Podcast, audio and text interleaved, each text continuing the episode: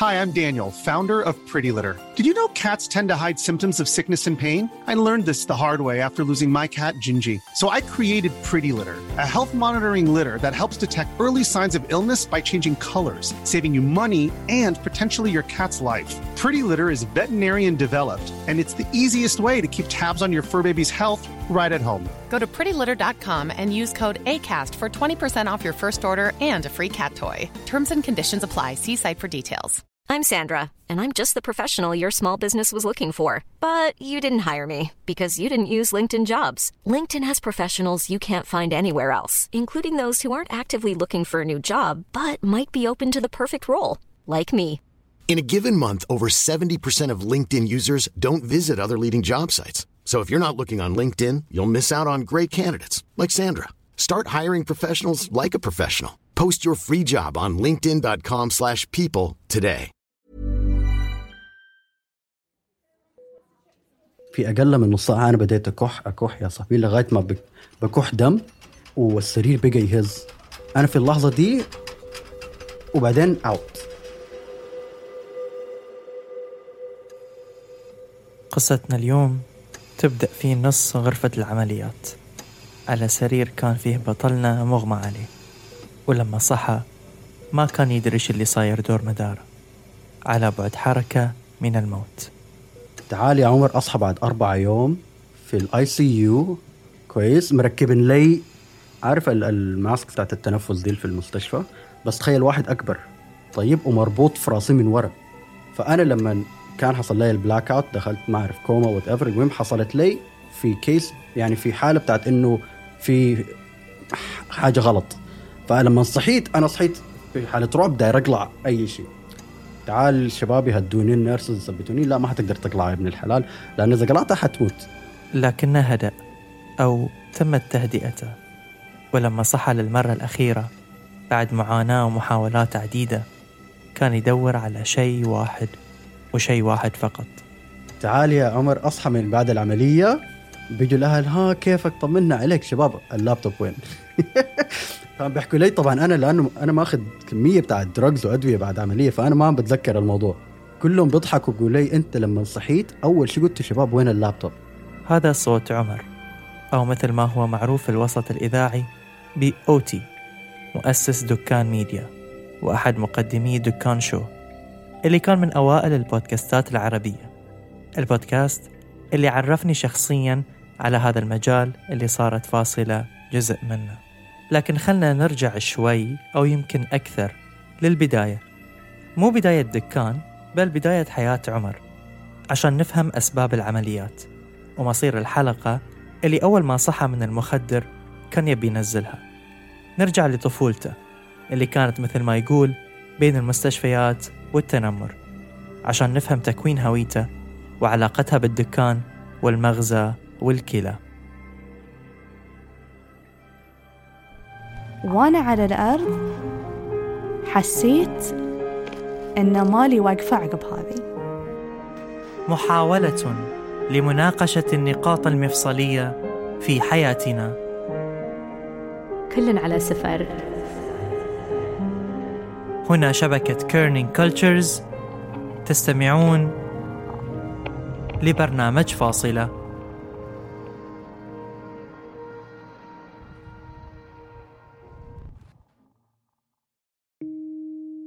انولد عمر في السودان وهاجر منها مثل الكثير من أبناء بلده مع والدينه بحثا عن لقمة العيش. انولدت في السودان بعد أقل من ثلاثة أشهر. الوالدة جات الإمارات أبوي كان اوريدي موجود في الشارجة كان ابتدى فرع جديد لشركته كان حابب يفتح مقر رئيسي خارج أفريقيا وخارج السودان. ولهالسبب صار من عيال الثقافة الثالثة اللي ممكن تكون سبب وراء صراعات في تشكيل الهوية. لأنها أصلا تكونت من مزيج وتطورت في بيئة مختلفة عن أصلها. فحس إنه كائن فضائي. الطفوله كانت ما أعرف يعني لحد ما عادية من ناحية ال experience بتاع ال third culture kids اللي هم جنسيتهم غير المكان اللي هم فيه يعني اتولدوا في مكان تاني أو مولودين في دولة غير دولة أهلهم يعني. أو مثلا الوالد والوالدة بيكونوا من دول مختلفة. ف كثقافة إحنا بيسمونها الثقافة الثالثة إلى حد ما اللي هي في عندك ثقافة أهلك بتلعب دور ثقافة المكان اللي أنت فيه بتلعب دور والثقافة الثالثة اللي هي لما ما تكون جايب من هنا ولا جايب من هنا كأنه ابتديت ثقافة ثالثة جديدة. كانت هالصراعات الداخلية منعكسة على الخارج فكان عمر يتعرض لكل أنواع التنمر العرقي واللوني في الإمارات والسودان فبدل ما يكون منتمي للاثنين صار غريب عنهم اثنينهم. وقدرت هالمواقف إن تغير سلوكياته. مشاكل أيام المدرسة مع باقي الشباب على كذا مصطلحات وكلمات لها عنصرية. وإحنا طبعا كشباب يعني بنزعل بسرعة. ده طيش وتهور بتاع الشباب والمشاكل بتاعتنا. إحنا 14 15 سنة فدائما أي ما كذا ما يا دوب لقيت لك سبب تدخل فيه ضرابه مع الشباب. ف بس كانت المصطلحات الوقت ذاك ما كنت بفهمها لأنه كله من يا الخال يا الأسود يا الزنجي يا العبد وكلها كلها سمعناها والكم أصعب في الموضوع إنه أنا بدافع عن لوني أو جنسيتي كسوداني هنا وكل يوم داخل مشكلة والثانيه مع شباب. وأنا كنت في مدرسة كمان كانت انترناشونال فالطلبة من كل مكان. وبعدك أرجع السودان ما في تقبل لي أنا في السودان لأنه أنت أولاد المغتربين كانوا يسمونا اللي هم أهلك اللي سابوا السودان. ففي مصطلحات تسمع في السودان يا أولاد البسكويت وكذا بياخذوك يعني على إنك شنو؟ كأنه أنت على قد عقلك يعني إنك أنت اللي ما تفهم ولا أنت اللي اللي هي مانك أنت ما رجال زيهم فاهم؟ يعني ما اللي ف بتبقى ال attitude إنه لا حلعب كورة حافي مع الشباب في الفريق في الفريق يعني في الحارة. بس عشان أوريهم إنه شنو؟ أنا قوي زيهم أنا أقدر يا أخي حلعب معاكم كده حافي بدون ما ألبس جزمة يلا. الشباب بيكسروا وأنا ما بزع ما أقدر أوريهم إنه زعلان ولا تحسست من الموضوع إنه حد كسر علي. فاهم؟ لازم كده تاخذ الموضوع ببرادة إنك أنت صلب زيهم كده أنت تقدر تستحمل الضربات فاهم؟ ف يعني to prove you're tough. وقدرت بعد إنها تثير الأسئلة بداخله وتخليه ياخذ منحنى استكشافي يبحث فيه عن نفسه وعن أصله وأصل الإنسان. في identity crisis بتحصل في اللحظة دي إنه في السودان بيقول لك لا إحنا عرب إحنا منا أفارقة. وانت بتقوم تجي ترجع الخليج بيقول لك انت الافريقي الاسود يا الخال يا العبد. فبيحصل identity clash انه طيب شباب أنا اي واحد فيهم. ففي confusion كده بتحصل. فالحاجات دي لعبت دور كبير في تكويني أنا كشخص. مثل تأثر جيله بمايكل جوردن ومحمد علي كلاي ومالكوم أكس اتعمق في تاريخ العبيد وتجارتهم وتعرف على أصل الأشياء فيها اللي راح يكون لها تأثير في سير قصتنا. كان محظوظ كفاية أن تكون عنده مصادر وكتب ودوائر يسأل فيها عن هالأشياء. اتغير لفترة لكن رجع لأصول العربية بوعي أكبر عن ماهية اللي دور مدارة وأسبابها.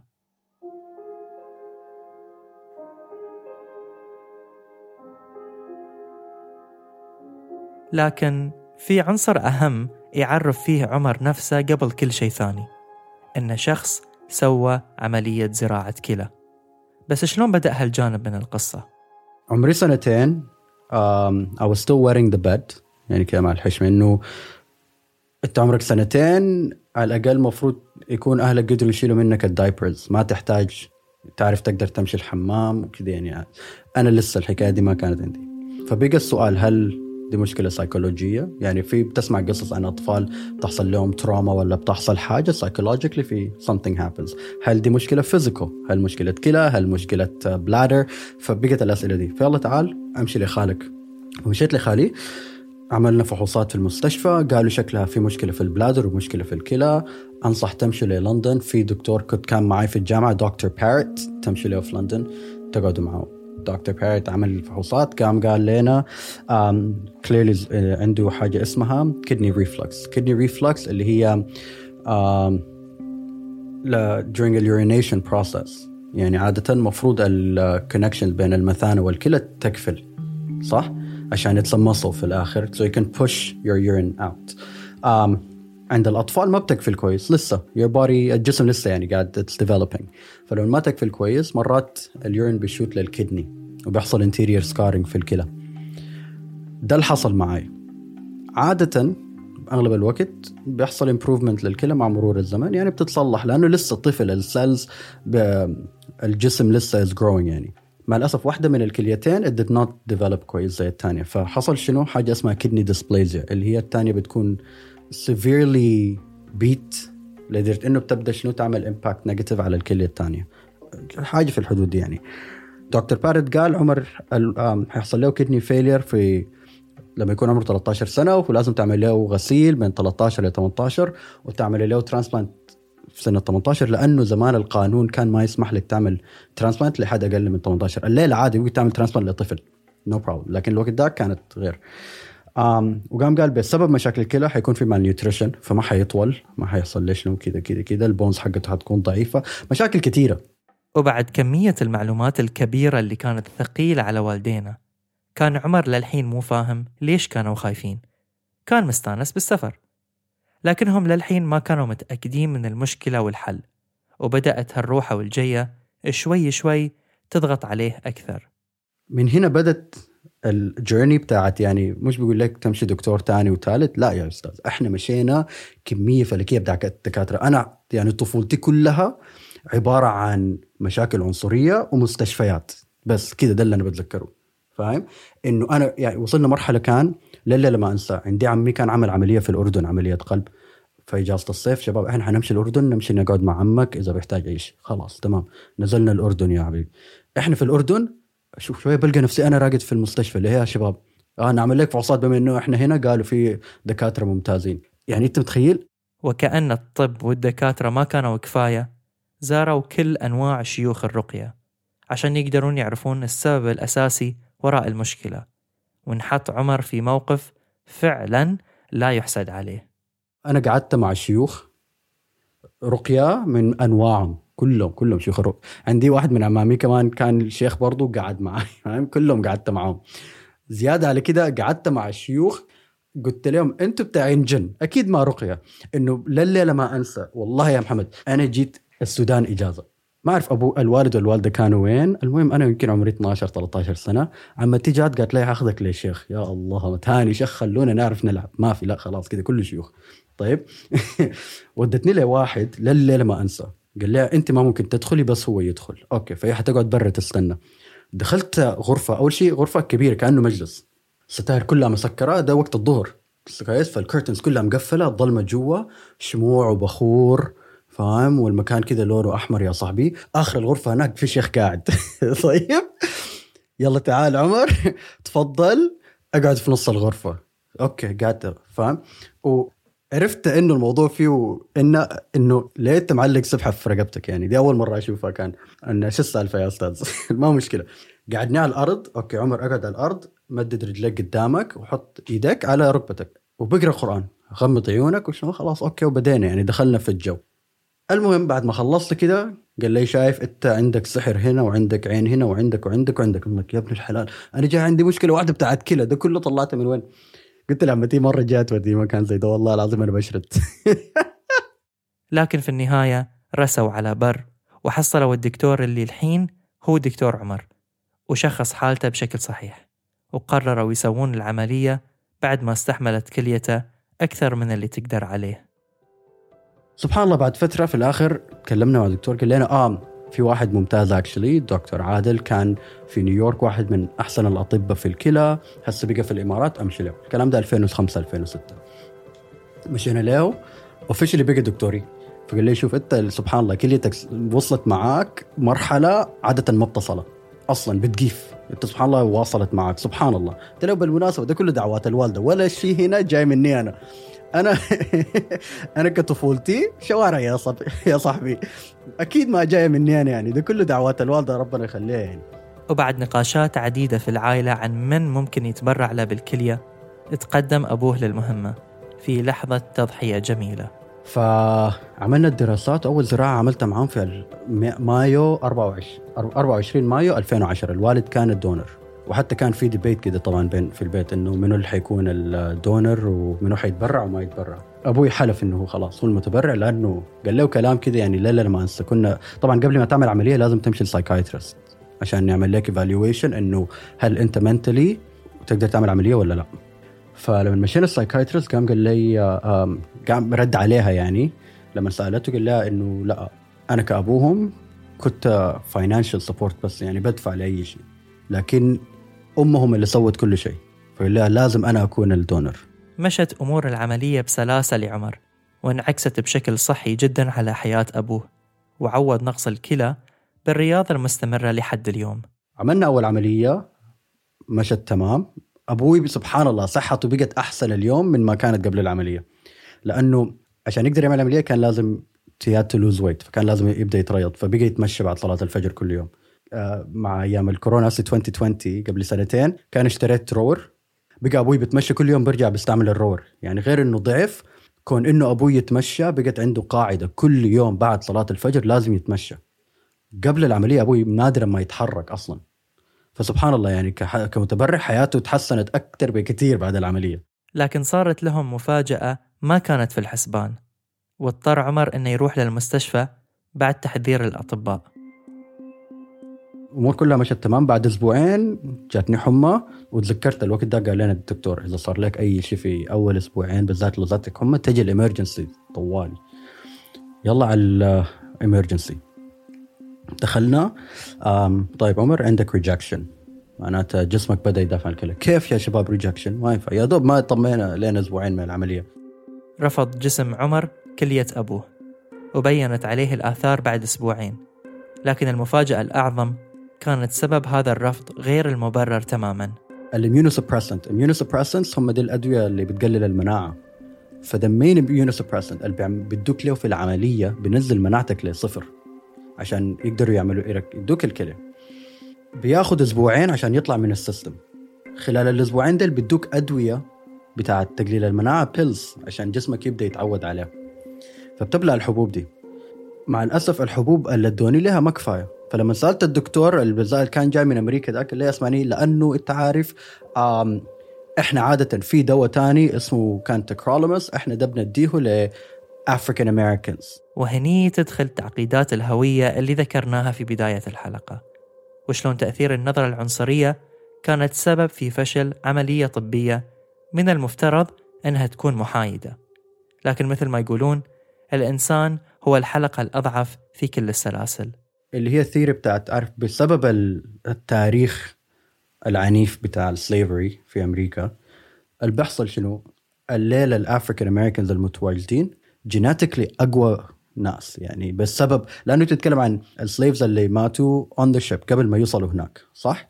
بعدين بعد ما وصلوا ال... في generations بتاع different slaves توفت بس أسباب إنت جسمك اللي هي بالإنجليزي اللي هي survival of the fittest جسمك ما يستحمل انت بتطلع برا ال game فاهم؟ خلاص. فانت ال survivors الليلة genetically أقوى. ف there's a theory إنه والله their immune system أقوى. فيقول ما فكرنا نديك ليها إنت ما تبعهم. واضطر عمر إنه يعمل غسيل للكلى ما بعد العملية. لين ما يحصلون حل للمشكلة. وصراحة ما قد سمعت عن تجربة أغرب منها. المهم عدلوا طيب ممكن نشوف حل؟ فقال لي حنحاول we'll save the kidney ما ادري أكشن وبتاع. During that time عملت dialysis بعد العملية. بسموها post transplant dialysis فما كنت بعمل غسيل قبل العملية بقيت أعمل غسيل. آه وبقيت أعمل تاني حاجة اسمها plasma dialysis اللي هو غسيل بيطلعوا البلازما من الدم. دي كانت غريبة بشوف حاجة كده liquid لونه ذهبي في كيس. وأنت بتتكلم عن فترة إنه الناس ما بتقدر تزورك لأنه أنت مناعتك قليلة. طيب يعني الله يشفي جميع الناس. لأنه بجد والله لا ما يدخلكم situation وين إنه الواحد يضطر يعمل dialysis لأنه ال dialysis ما سهل ابدا على الجسم. في حاجات كثيرة ما بتقدر تاكلها. أول شيء. ثاني شيء لما تعمل لما تعمل غسيل أنت بتتكلم عن الدم بيطلع بيدخل في مكنة ماشين بتغلطه في الدم والماشين دي قدر الحيطة يعني حاجة ضخمة. بعدين بترجع through another uh, vessel لجسمك. بسبب لأنه الدم بيطلع بكميات كبيرة برا وبياخذ وقت لغاية ما يرجع. انت بتبرد. لو حطيتك تحت 200 بطانيه ما حتدفى يعني انت متخيل؟ فلما تزيد عليها بلازما معناتها ال time فترة الزمن ال blood خارج الجسم أطول. انت يا صاحبي بتكون في حالة برد غريبة. كويس؟ you freezing وبعدك بعد ما تخلص ال dialysis بيكون يمكن ساعتين ثلاثة أربع ساعات. لما تخلص الغسيل وزنك بينزل. لأنه ال process بتاع الغسيل بتطلع ال chemicals من جسمك كله. فممكن حسب أنت أكلت قدر كيف وإذا أكلك ما control ممكن تنزل نص كيلو كيلو ل 5 6 كيلو بتنزل في خلال أربع ساعات. فأنت متخيل ال impact اللي بيحصل على جسمك بسبب الغسيل. لكن تعقيدات القصة ما ممكن تكمل من دون أن يلعب الحظ دوره فيها. وبسبب إهمال طبي آخر صار عمر بين الحياة والموت. يوم أظن واحد من ال nurses كان مدخن ولا شيء جا دخل عشان يفحص. عادة بيجوا بيشوفوا الضغط وكذا. يا صاحبي أنا اللي كان عنده أخذته. ما أعرف يا كان مريض ما كان مريض. المهم طلع في أقل من نص ساعة أنا بديت أكح أكح يا صاحبي لغاية ما بكح دم والسرير بقى يهز. أنا في اللحظة دي وبعدين out تعال يا عمر أصحى بعد أربعة يوم في ال ICU كويس مركبين لي عارف ال mask بتاعت التنفس دي في المستشفى؟ بس تخيل واحد أكبر طيب ومربوط في راسي من ورا. فأنا لما كان حصل لي ال blackout دخلت ما أعرف coma whatever المهم حصلت لي في case يعني في حالة بتاعت إنه في حاجة غلط. فلما صحيت أنا صحيت في حالة رعب داير أقلع أي شيء. تعال شبابي هدوني ال nurses ثبتوني. لا ما حتقدر تقلع يا ابن الحلال لأن إذا قلعتها حتموت. الحصل كالآتي. رئتيك وقفت. كأنه ما عندك رئتين يا صاحبي. غير إنه عندك مشاكل كلى رئة ما في. طيب فإحنا اضطرينا إنه هل we save the kidney ولا we save your life فاخترنا الرئتين. قللنا لك الأدوية تاعت تخفيض المناعة عشان شنو؟ نخلي الجسم يتقبل. ندي الجسم فرصة إنه to fight الفيروس الجاك في رئتك. أنت متخيل؟ فاحتمال كبير حتخسر الكلى لكن على الأقل we'll try to save your life وعاش عمر. مع ماكينة ثانية غير ماكينة الغسيل المخيفة اللي كانت بمثابة رئته اللي وقفت. وأنا ما بقدر أقلع الماس ده ليه؟ في مك مشي مكنة كده جنب السرير بتضخ هواء لرئتي وبتسحب الهواء فالمكنة هي بتعمل شغل الرئتين. هي الرئة بيسكلي رئة خارجية كده ركبوها لي. كويس؟ فالرئه دي بتعمل لي الشغل بتاع التنفس. الحمد لله بعد كم يوم اشتغلوا لكن كانت صعبة حتى يعني بتذكر كان جاني ابن عمي يسلم ها كيفك؟ طمنا عليك. لما ارد أنا تمام كذا فاهم؟ كل كلمة واصلا كلمات طويلة ما بقدر أقولها. وبين كل كلمة والثانيه نفس. الرئة اشتغلت بعد شوية they saved the kidney الدكتور قال لي اسمع الأغلب عندك فيها سنتين. بعد سنتين حنضطر نعمل عملية ثانية ام لك إن شاء الله كان نشوف بيحصل شنو في سنتين أيام ما بعد العملية كانت صعبة على عمر. دخل فيها في حالة اكتئاب بسبب كل التغيرات اللي مرت على جسمه وعقله. على قدراته وشكله وعلى رؤيته للحياة. بعد العملية أنا دخلت case بتاع ال depression لا اعلم به إلا الله. يعني الوقت ذاك أنا أصلا فكرة أو مصطلح depressed ما فاهمه بالطريقة اللي أنا فاهمها الليلة. الحاجات اللي بتبدأ تلاحظها أنا كنت athlete يعني أنا وأخوي مبارك كنا بنتحدى بعض في الرياضات في المدرسة إنه أنت بتقدر تجيب ميدالية من كم رياضة؟ فاهمين؟ نحن كنا كده. أول سنة جامعة كنت بلعب basket في الجامعة. كله وقف بعد العملية. رجعت overweight بسبب الأدوية وبسبب عدم الحركة. أنا يمكن كنت 20 25 كيلو overweight على أيام الجامعة الناس متعودين شا... آخر مرة شافوني كان عمر بيلعب sports معانا فاهم؟ رجعت شكل ثاني ما في زول عرف أصلا داخل الجامعة ما في زول بيعرفني فاهم؟ إنه ده منو ده وبدأت حتى معطيات الجامعة اللي كان متعود عليها صارت غريبة عنه ودخل في صراعات مع البروفيسورات. المهم واحدة من الدكاترة الوقت ذاك قالت لي عندي معك كلمتين تعال لي في المكتب. قالت لي اسمع وقع الورقة دي أنت حتفشل. حتسقط ال marketing class فأحسن لك يا ت drop it عادة الورقة دي بتوقعها إذا if you failed ال midterm إنه أنت يا عندك فرصة ت drop the class قلت لها ليه؟ قالت لي اسمع أنت لا بتجي class ولا بتجي و class ها 8 الصباح وكانت قالت لي إنه ما شكلك جادي في الموضوع وأنا أصلا دكتورة صعبة. يعني أسأل عني في الجامعة الناس كلها بتعرف إنه أنا very tough professor لأنه ما بدي أسئلة سهلة. لها كلها marketing في الآخر ما مشكلة يا أستاذة. مشي. رفضت أوقع الورقة. آخر ال class طلعت B plus ال semester الثاني عشان أزيد الموضوع عناد أخذت ثلاثة classes معاه مش class واحد أخذت ثلاثة معاه كده بس عناد. أنا أصلا كده يعني لو زول قال لي ما بتقدر خلاص. أنا الليلة يا أنا يا أنت. كده. غرابة الجامعة وصلت لأقصى حد لما تقاطعت مع الحظ اللي طلع مرة ثانية بشكل الأقرب للحقيقة القدر. في محاضرة ثانية بعد نقاش عميق عن معنى الحياة ودورنا فيها. class عماد ده كان غريب. أول شيء كان مسائي. الساعة 7 7 ونص كان. عنده كورة بيرميها في الناس وبنلعب ومرات بيطلع الكل... بنعمل ال class كله برا الصف. فاهم؟ فال approach وال style بتاعه كانت غريبة شديد. لكن حبب الناس الناس كانت بتحبه كلهم. ففي واحد من ال class سأل سؤال إنه what is the purpose? أو what is your purpose? أنا كتبتها كده في ال note إنه okay purpose. What is your purpose? فالناس قاعدة تدي أجوبة أجوبة كده وكل واحد بدي جوابه وإنه لا okay next next next. قام واحد قال له to leave your fingerprint before you die. I was like okay والله الجواب حلو. سجل عمر أكتب عندك في الدفتر. طيب. قال له صح okay but what does that mean? What is your fingerprint? أنت كمحمد مثلا أو كعبد الله أو whatever يعني what is your fingerprint? هو قام قال والله مثلا أنا my fingerprint أو my purpose is to educate as many people as possible before I die. فهو واضح كذا خلاص. أنا ده يعني سبحان الله يعني أنا ربنا جابني الدنيا دي عشان أقدر أعلم ناس قدر الإمكان. كذا خلاص. Like okay nice كتبتها برضه ما فاهم إنه بحاول أستوعب أنا اللي بيحصل شنو. في نفس ال class إحنا قاعدين بدات تمطر والشباب أوه مطره والناس تحمست وشنو؟ وعارف الشباب كذا لما نقعد ننكد بين بعض واحد منهم والله الحين تشوف عبود يطلع لك باللامبورجيني يفحط برا في الشارع. كلام شباب كذا مسخره ما في أي intention غير إنه ننكد بين بعض.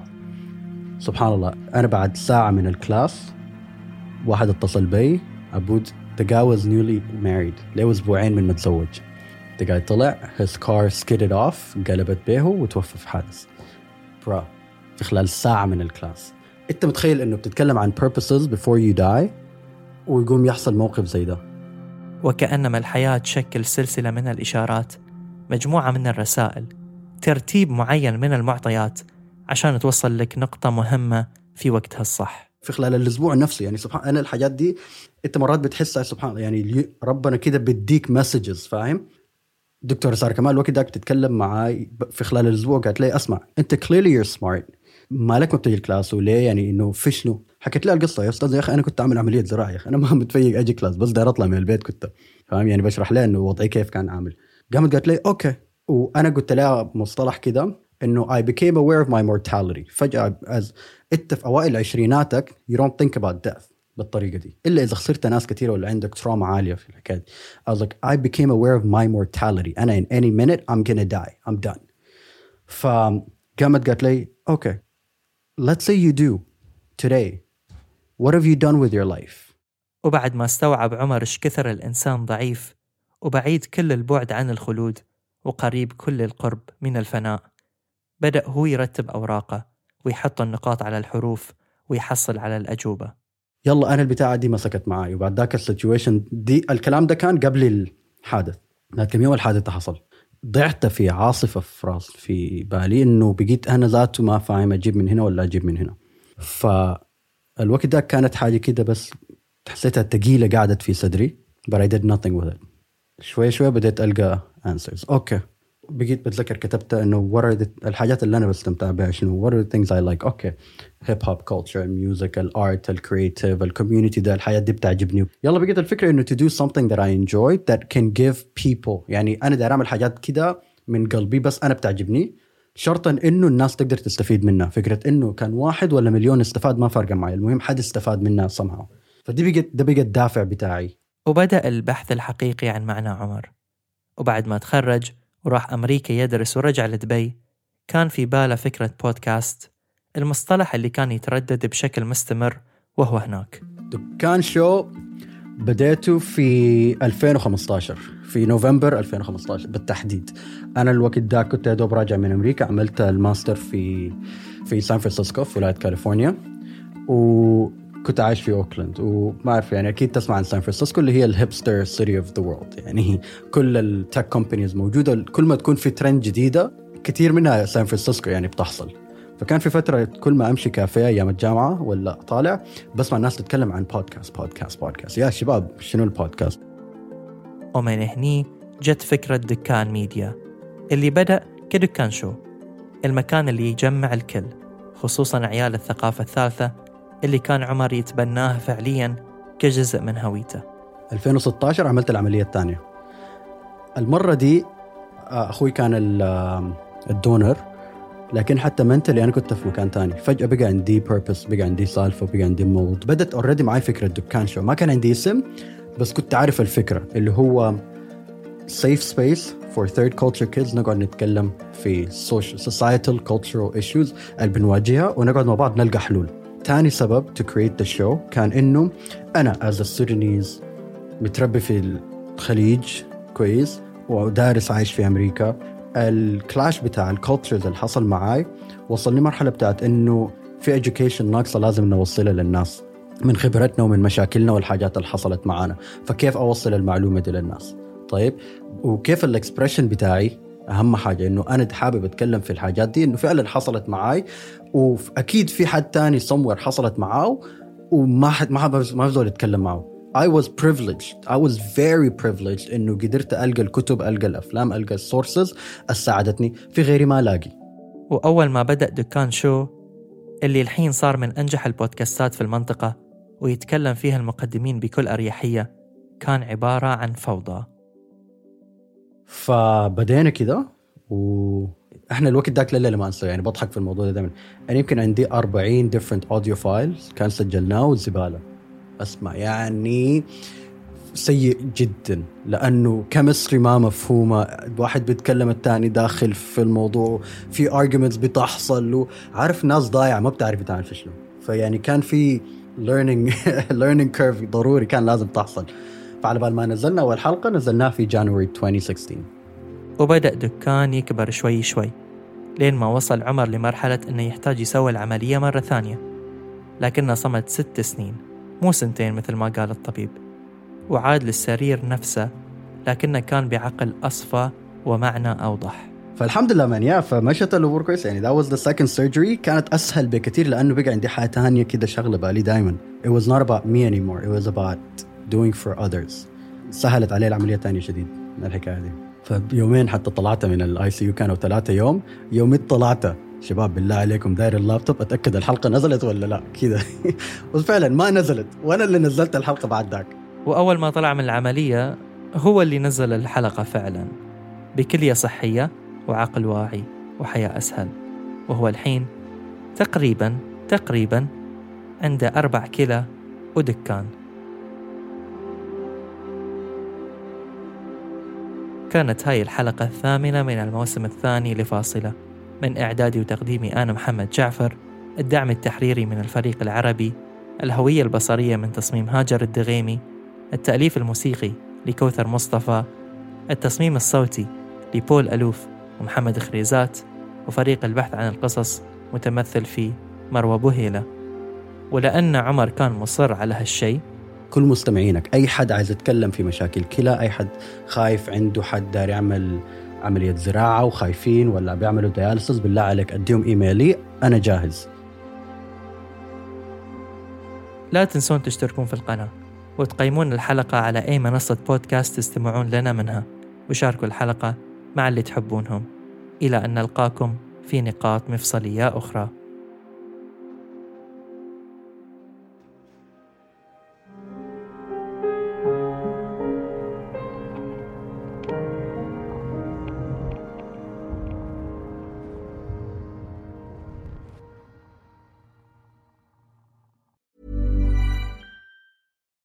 It's Paige DeSorbo from Giggly Squad. High quality fashion without the price tag. Say hello to Quince. I'm snagging high-end essentials like cozy cashmere sweaters, sleek leather jackets, fine jewelry, and so much more. With Quince being 50 to 80% less than similar brands. And they partner with factories that prioritize safe, ethical, and responsible manufacturing. I love that. Luxury quality within reach. Go to quince.com slash style to get free shipping and 365 day returns on your next order. Quince.com slash style. If you're looking for plump lips that last, you need to know about Juvederm lip fillers. With Juvederm Volbella XC and Juvederm Ultra XC, your lip look, whether it's subtle or bold, can last up to one full year with optimal treatment and no additional maintenance. Find a licensed specialist and see if it's right for you at juvederm.com today. That's J U V E D E R M.com. Add fullness to lips in adults over 21 with Juvederm Volbella XC or Juvederm Ultra XC. Do not use if you have severe allergies or a history of severe allergic reactions, or if you're allergic to lidocaine or the proteins used in Juvederm. Tell your doctor if you have a history of scarring or taking medicines that decrease the body's immune response or that can prolong bleeding. Common side effects include injection site redness, swelling, pain, tenderness, firmness, lumps, bumps, bruising, discoloration, or itching. As with all fillers, there's a rare risk of unintentional injection into a blood vessel, which can cause vision abnormalities, blindness, stroke, temporary scabs, or scarring. For full important safety information, visit juvederm.com.